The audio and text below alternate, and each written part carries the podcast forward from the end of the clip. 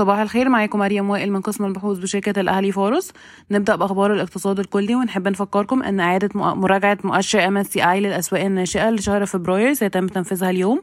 ومن المتوقع خلالها تدفقات بقيمة 1 إلى 2 مليون دولار لكل من سهم حديد عز وسهم هليوبلس منذ إضافتهم إلى مؤشر MSCI إيجيبت للشركات الصغيرة. قامت وزارة المالية بتحديث أهدافها لعجز الموازنة في السنة المالية 22-23 إلى 6.8% من الناتج المحلي الإجمالي مقارنة ب 6.1% في الموازنة الأصلية. التغيرات الرئيسية شملت سعر الصرف وبرنت عند 90 ل 95 دولار للبرميل ارتفاعا من 80 دولار للبرميل.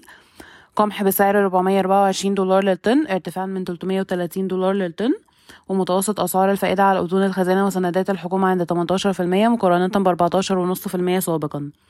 بينما كانت توقعات نمو الناتج المحلي الإجمالي مستقرة ما بين 4 و 5% توقعت وزارة المالية أن يصل الدين عام إلى 93% من الناتج المحلي الإجمالي 21% من الناتج المحلي للدين الخارجي ونحو 72% من الناتج المحلي للدين المحلي. وقعت مصر وقطر أمس اتفاقية لإزالة الازدواج الضريبي ومكافحة التهرب الضريبي. قال وزير التموين أن احتياطات مصر من القمح تغطي أكثر من أربعة أشهر وتستعد البلاد لبدء تأمين موسم توريد القمح المحلي منتصف إبريل المقبل بنحو أربع ملايين طن. بالإضافة إلى ذلك تكفي احتياطات النفط الإستراتيجية لنحو شهر ونصف مع احتياطات الأرز تغطي الاستهلاك المحلي. ننتقل لأخبار القطاعات والشركات. سجل بنك كريدي أجريكول أرباحا مجمعة للربع الرابع من عام 2022 816 مليون جنيه بارتفاع 90% على أساس سنوي و39% على أساس ربع سنوي مما رفع صافي أرباح عام 2022 إلى 2 مليار و418 مليون جنيه وده ارتفاع 50% على أساس سنوي. إحنا رفعنا القيمة العادلة للسهم إلى 17 جنيه للسهم وده بيرجع إلى أداء تشغيلي قوي يتداول السهم حاليا عند مضاعف ربحية العام 2023 5.1 مرة ومضاعف قيمة دفترية 1.1 مرة. أعلن مجلس الوزراء طرح حصة من بنك من البنك العربي الإفريقي المملوك مناصفة بين البنك المركزي المصري وهيئة الاستثمار الكويتية بحصة 49.37% لكل منهما.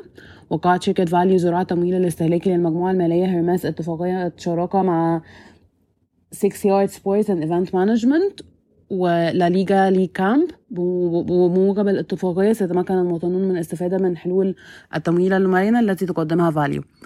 حققت شركة النساجون الشرقيون صافي ربح في الربع الرابع من عام 2022 316 مليون جنيه وده بارتفاع 43.9% على أساس سنوي و263% على أساس ربع سنوي. سجل صافي أرباح عام 2022 843 مليون جنيه مقابل مليار 85 مليون في عام 2021 وده بانخفاض 22.3% على أساس سنوي.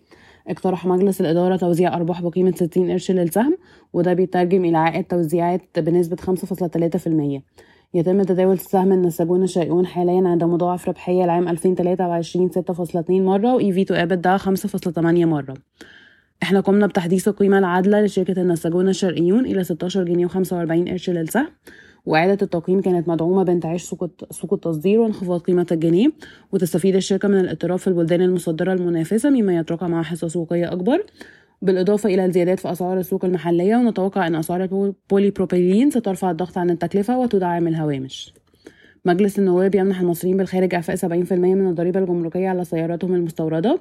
وافقت شركة إيديتا على تقديم عرض استحواذ على 100% من شركة غير مدرجة في البورصة تعمل في صناعة الأغذية المحلية ولم يتم كشف الكشف عن قيمة الصفقة حتى الآن. تامري تشيكن ستنشئ مصنع دواجن بقيمة 150 مليون جنيه في محافظة الشرقية ينتج 30 طن من الدجاج شهريا.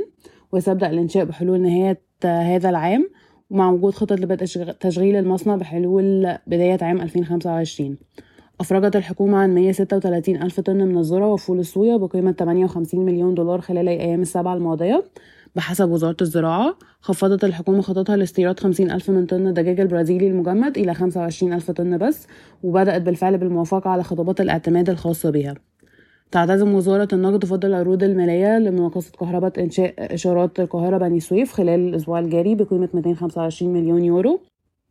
وكشفت مصادر عن تأهل تحالفين الفوز بالمناقصة يضم التحالف الأول ألستوم Companies وسكالف Salcef الإيطالية وحسن علام Contracting والتحالف التاني بيضم Thales Spanish Group وأوراسكوم للإنشاءات. تخطط شركة e-finance لاستثمار ما بين 900 مليون جنيه ومليار و200 مليون جنيه هذا العام. حيث يتم توجيه من 60 ل 70% من هذه الاستثمارات نحو البنية التحتية الخدمات الب- البنكية غير المصرفية النقل السياحة والاستضافة السحابية. آه، شاركت شركة فوري مع تطبيق المكالمات الصوتية الخليجية بوتم للس- للسماح للمغتربين المصريين المقيمين في الإمارات العربية المتحدة بدفع الفواتير وإرسال التحويلات إلى مصر من خلال التطبيق. شكرا ويوم سعيد.